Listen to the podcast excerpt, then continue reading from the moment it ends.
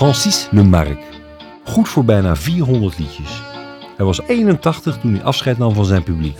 Une chanson sans frontières, une chanson populaire, sans douanier, sans barrière.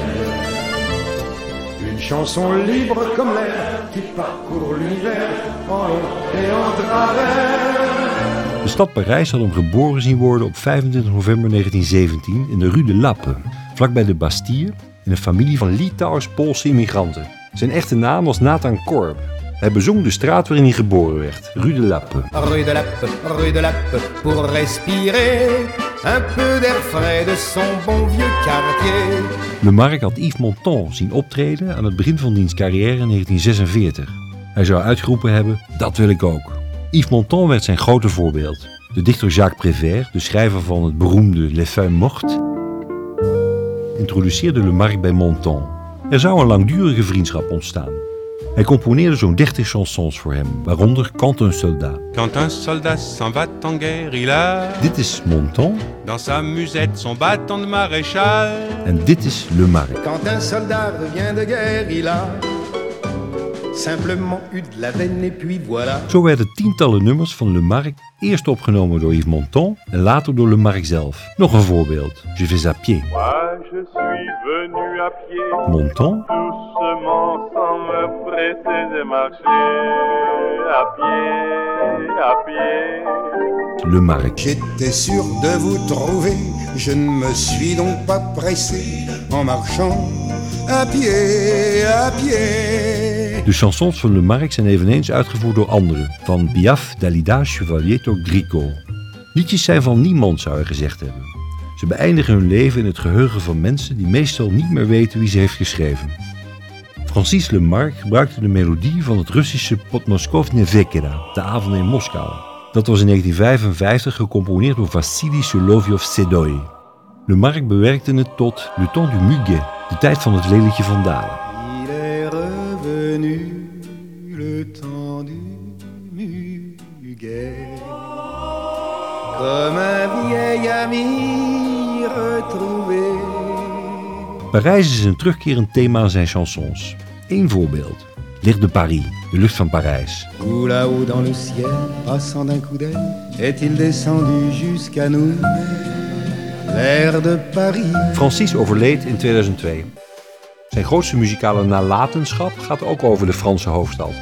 Het is een internationale standaard geworden die door tientallen artiesten over de hele wereld is gezongen. Natuurlijk door Yves Montand, À Paris, quand un amour fleurit, ça fait pendant des semaines deux cœurs qui sourient, tout ça parce qu'ils s'aiment à Paris. en door niemand minder dan de grote Patachou, à Paris. Sur les toits, les girouettes tournent et font les coquettes avec le premier vent qui passe indifférent. en ondanks nog door Zas. À Paris, quand un amour fleurit, ça fait pendant des semaines de cœurs qui se qui s'aiment à Paris. Dit is de meester zelf, Francis Lemarque, met zijn À Paris.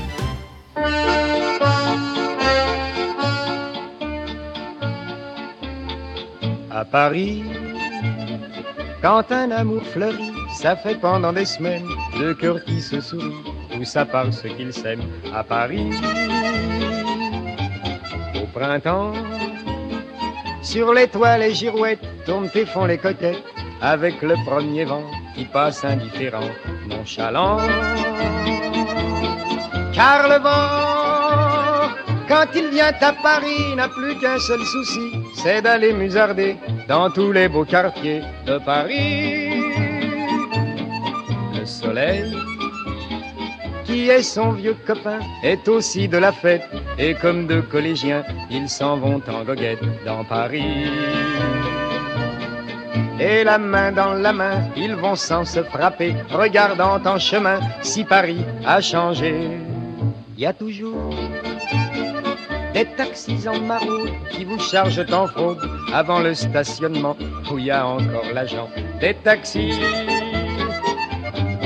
Au café, on voit n'importe qui qui boit n'importe quoi, qui parle avec ses mains et qui là depuis le matin. Au café,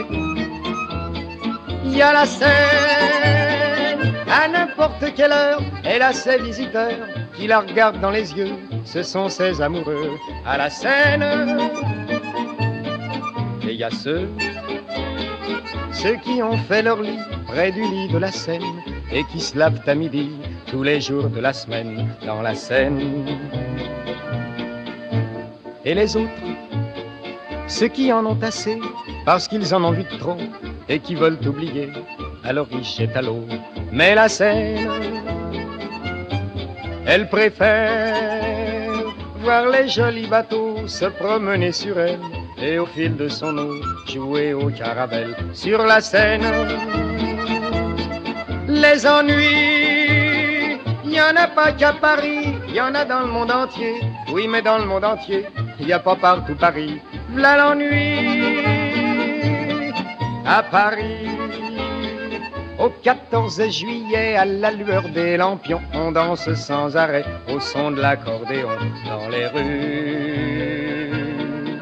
Depuis qu'à Paris on a pris la Bastille, dans tous les faubourgs et à chaque carrefour, il y a des gars et il y a des filles qui sur les pavés sans arrêt nuit et jour font des tours et des tours à Paris.